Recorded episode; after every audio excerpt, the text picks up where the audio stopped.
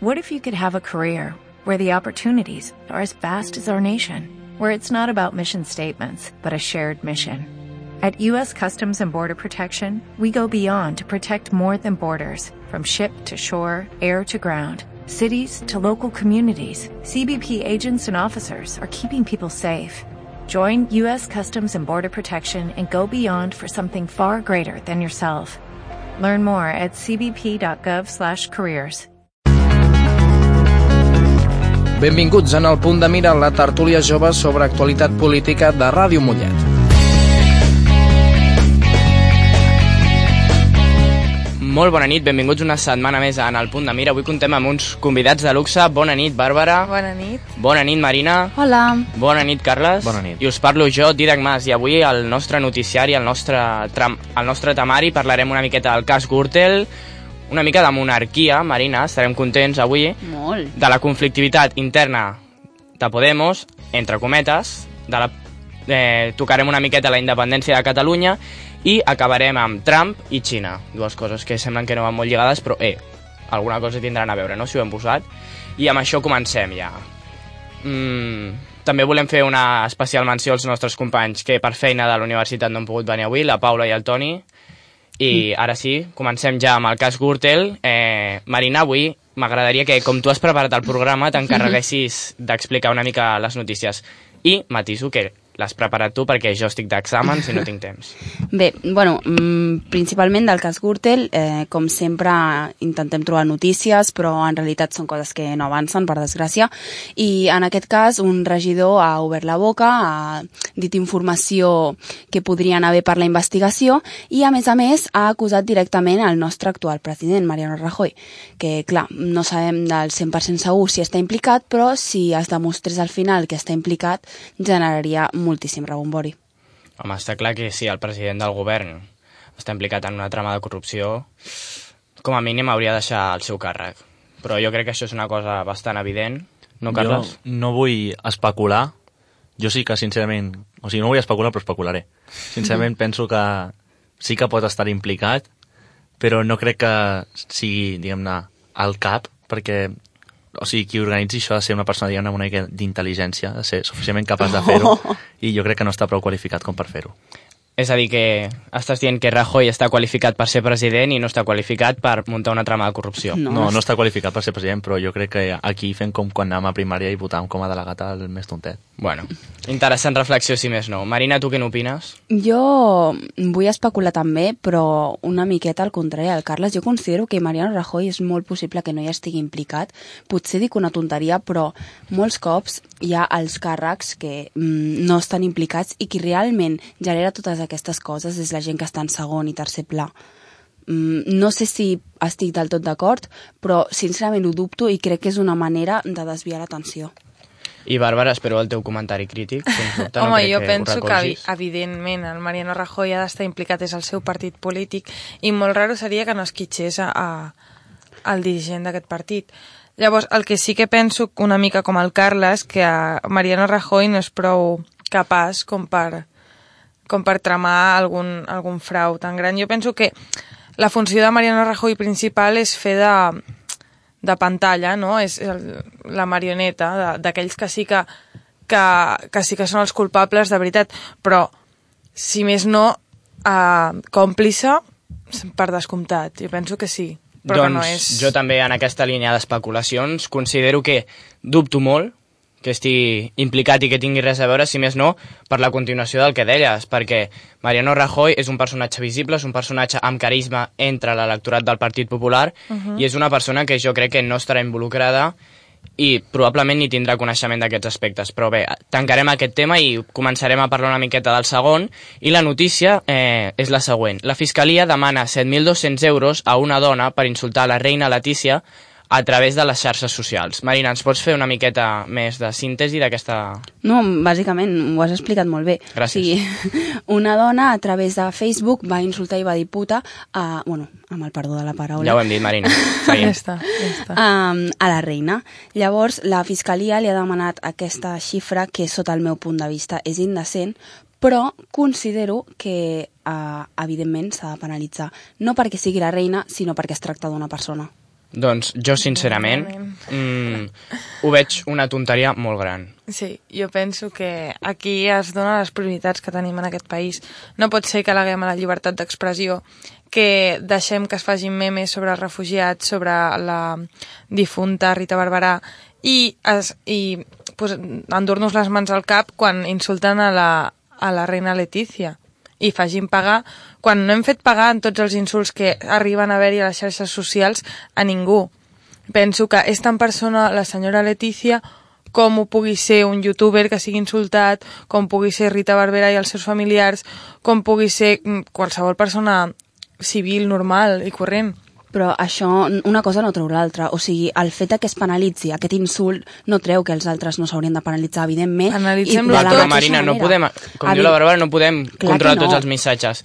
I la reina Letícia, al contrari, jo crec que amb menys motiu, perquè és un personatge públic, és un personatge que ha d'estar subjecte als comentaris de la gent Està i aquests no sempre seran positius. Val que no s'ha d'insultar, però No. mm, per molta gent la monarquia no té legitimitat.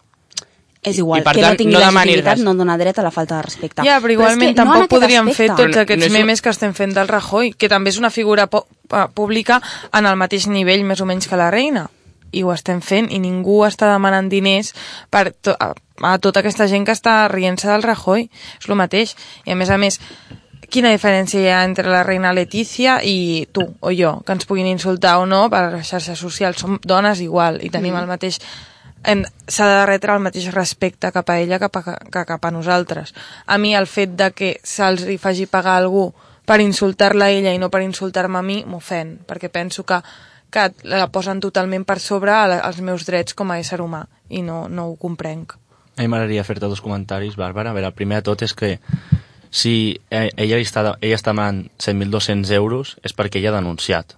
Al Mariano Rajoy, si li fan memes i no, no rep res, és perquè no denuncia. Si ell denunciés, òbviament, rebria aquesta remuneració o s'aniria a judici i òbviament guanyaria perquè si ets insultat a través de les xarxes socials, doncs tu no has, tu no has fet res com perquè t'insultin. Però és la fiscalia la que la demana. Ella ha denunciat Home, si la, directament. fiscalia, la, si la fiscalia la demana serà per això.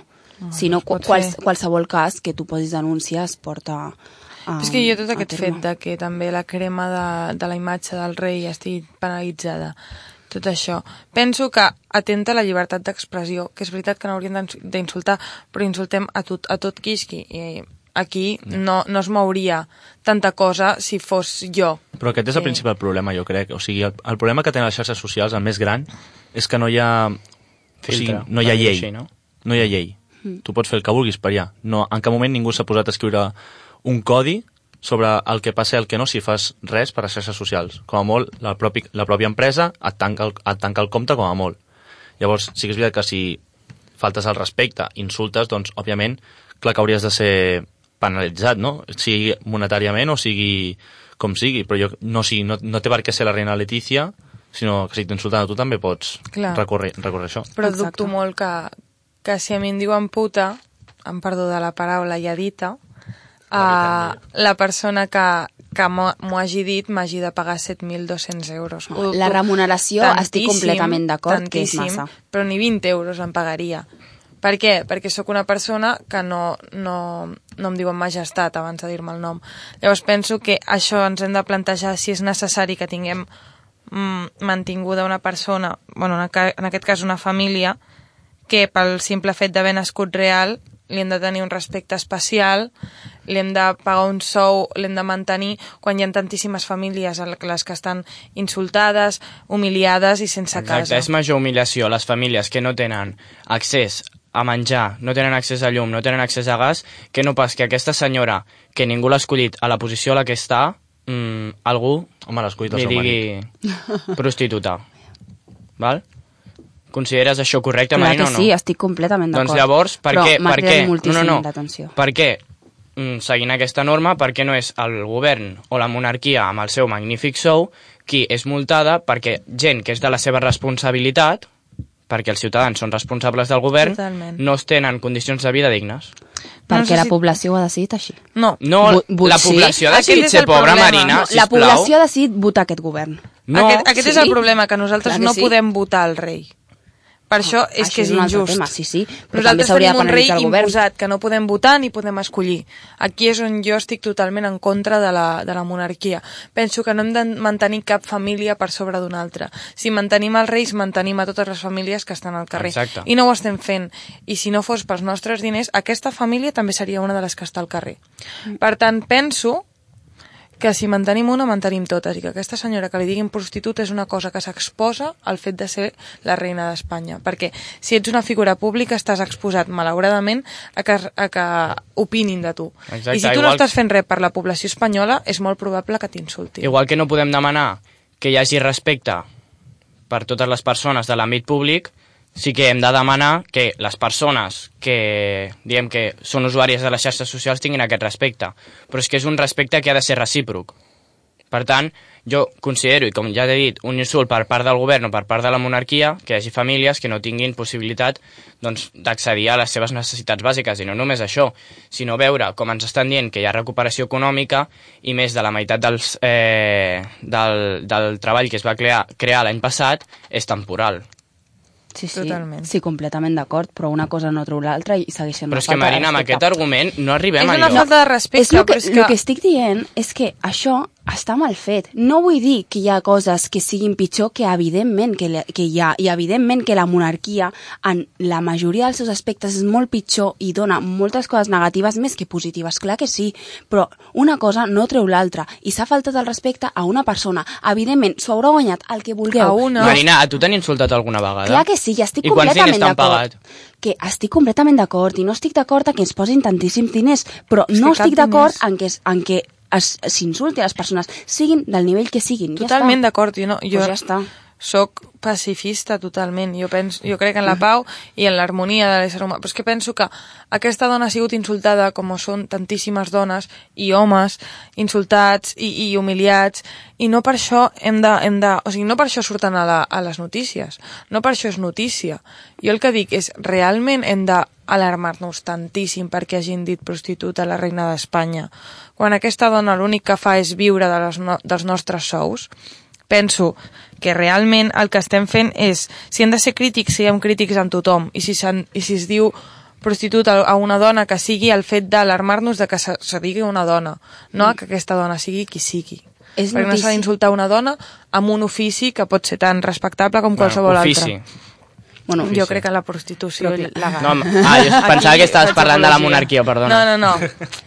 és, és notícia tot allò, tot allò que generi controvèrsia, per tant, mm, temes així, evidentment, generen una crida d'atenció. És Home, bàsicament doncs, per això que és notícia. Jo crec que és una cosa que ens hem de fer mirar i retocar una miqueta els barems. Ara passarem al següent tema, que és el conflicte intern a Podemos. Permeteu-me, com a militant de Podem, explicar-ho.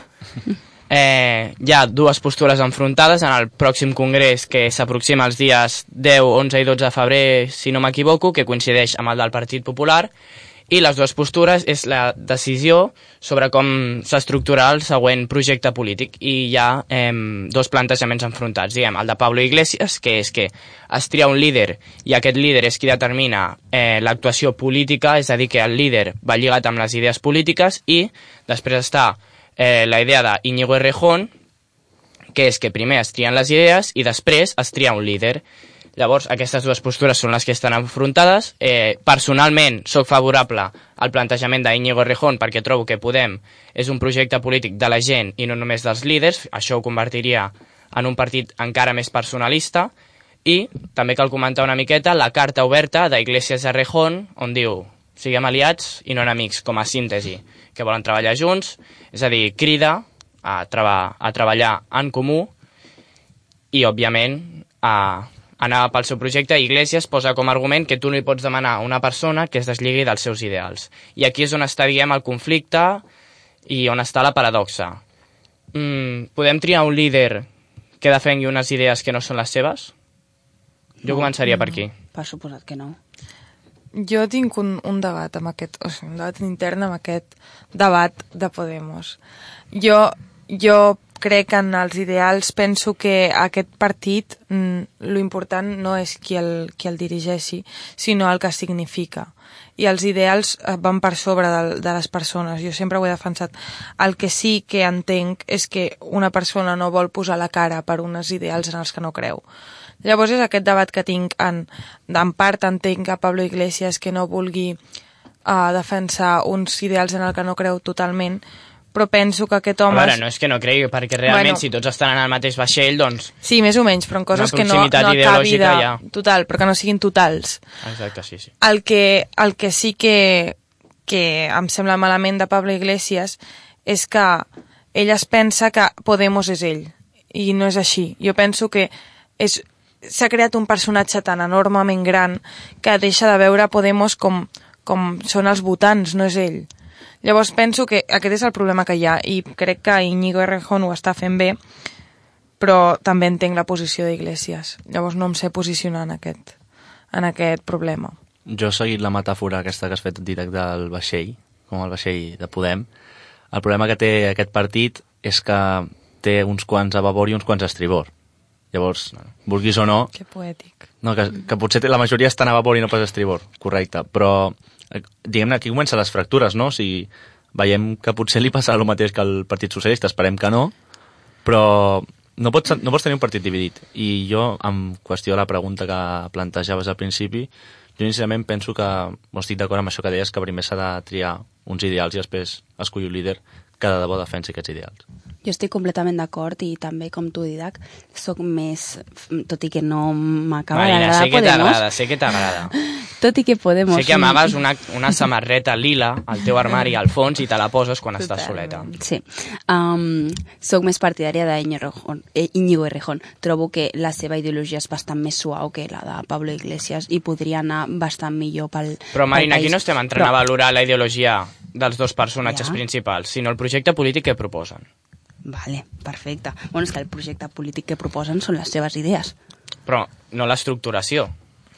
Vale, sí.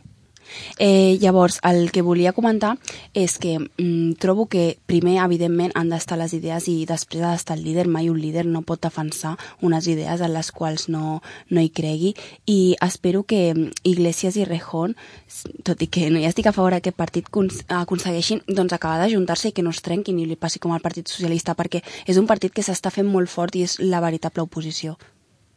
Jo, el, el problema que veig principal és aquest debat públic, o sigui, tenim una visió tan, tan de les xarxes socials tan extrema que penso que estan demostrant la seva feblesa, d'alguna manera.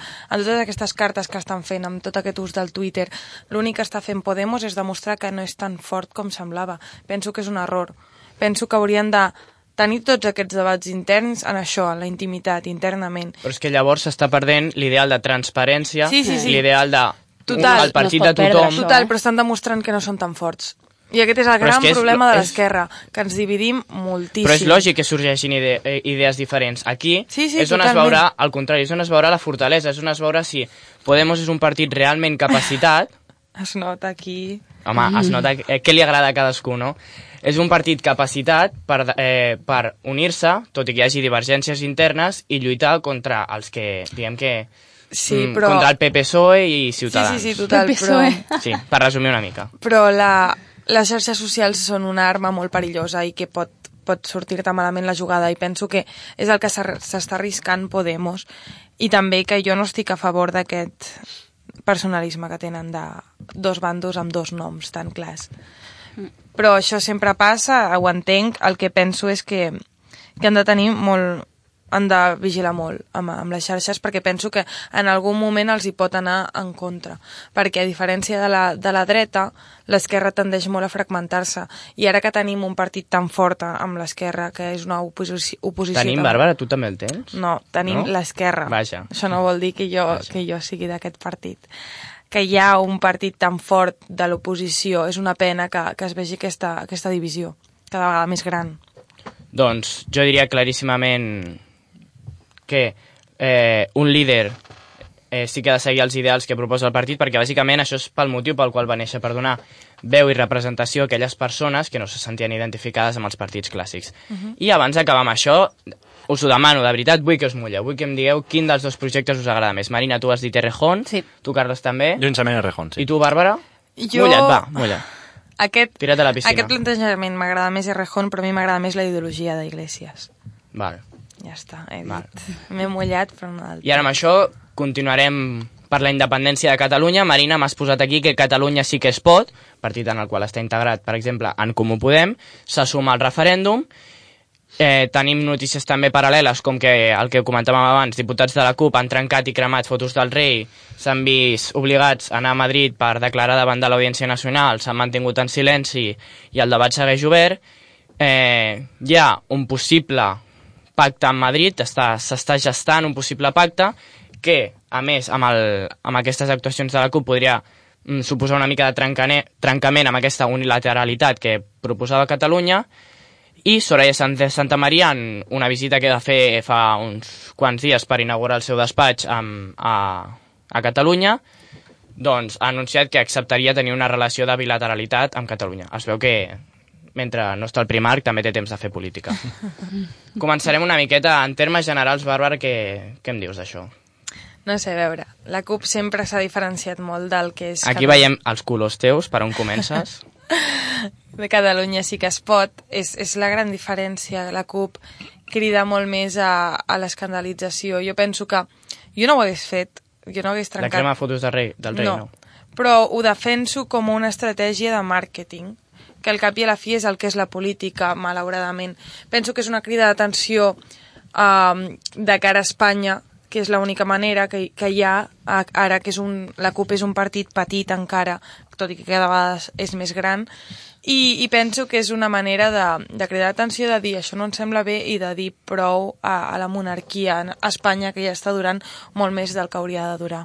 Però ara no estem parlant de la monarquia, sinó d'una Catalunya independent, Sí, no? sí, sí, que jo penso que és la manera de dir eh, no estem d'acord amb això, fem un acte. És com... A més, fins i tot ara, Bàrbara, permet-me que obri un altre front per tu, però comentant-ho amb els amics de la universitat, hem, hem arribat a la conclusió de que quin sentit té lluitar per una república espanyola si tu no vols formar part de l'estat espanyol? Perquè no lluites per una república espanyola, lluites per la república en general, lluites perquè no pot ser que al segle XXI encara hi hagin monarques que, man que mantenir. Lluit lluites per uns ideals, no lluites només per al teu país, perquè Catalunya... Però no distreus una mica la teva, la teva activitat? T'estàs centrant en una cosa que realment, pel futur que tu vols, ni et ve ni et va. Quan ets d'esquerres, lluites pels ideals, lluites per, per el que tu defenses i, i la teva ideologia, i, i si ets d'esquerres, molt rarament siguis monàrquic. Llavors també és com de dir, per què, per què adoptes fora d'Espanya si hi ha nens aquí? Pues perquè també et preocupen que hi hagi nens que ho estiguin passant malament. Per què, per què et preocupes dels refugiats si no passa aquí? Doncs perquè també et preocupa que hi hagi gent que estigui patint la guerra.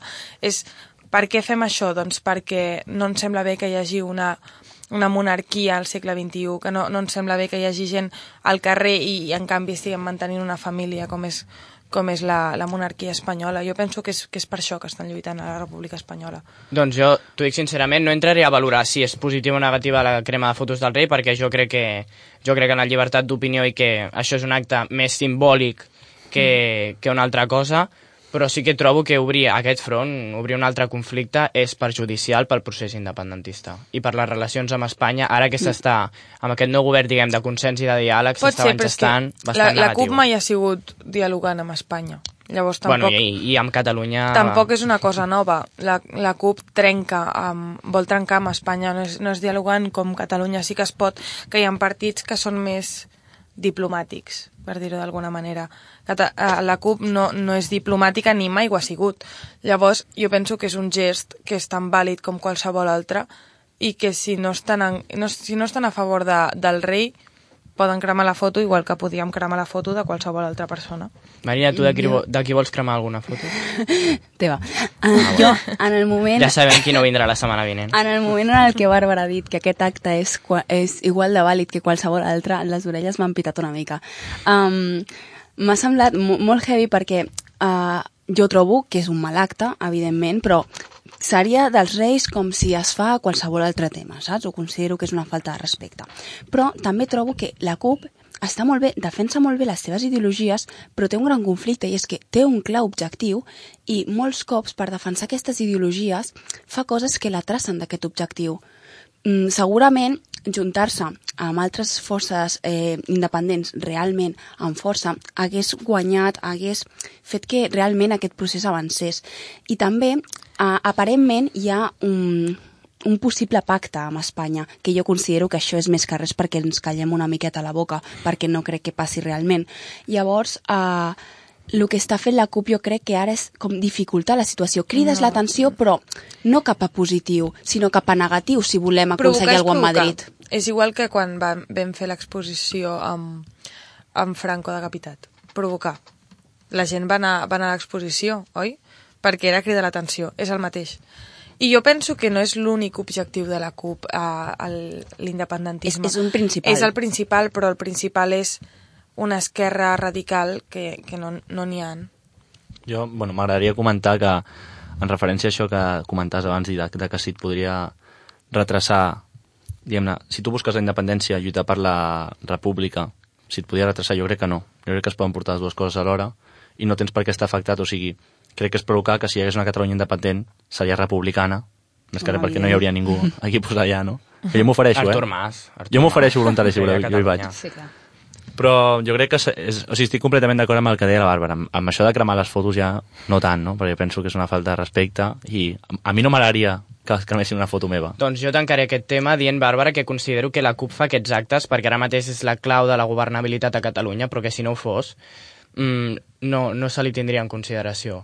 I ara comentarem breument el, el tema de que Trump qüestiona la política d'una sola Xina perquè eh, va tenir converses amb la presidenta de Taiwan, la qual es considera integrada en Xina, encara que eh, aquesta pretén ser un, una nació independent, òbviament perquè té un sistema econòmic diferent i de més. I aquí estan havent-hi divergències i continuen les converses, encara que tot i que Xina ha dit que Trump no en té ni idea de conversa eh, de relacions internacionals, això eh, segueix obert. Ara, Bàrbara, eh, reflexió final, ràpid. D'això, No, del que sigui. ah, visca la llibertat d'expressió. Marina, Visca el respecte. Carles, No, no comparteixo el que diu la Mariana, no? Respectem-nos els uns als altres, no ens cremeu.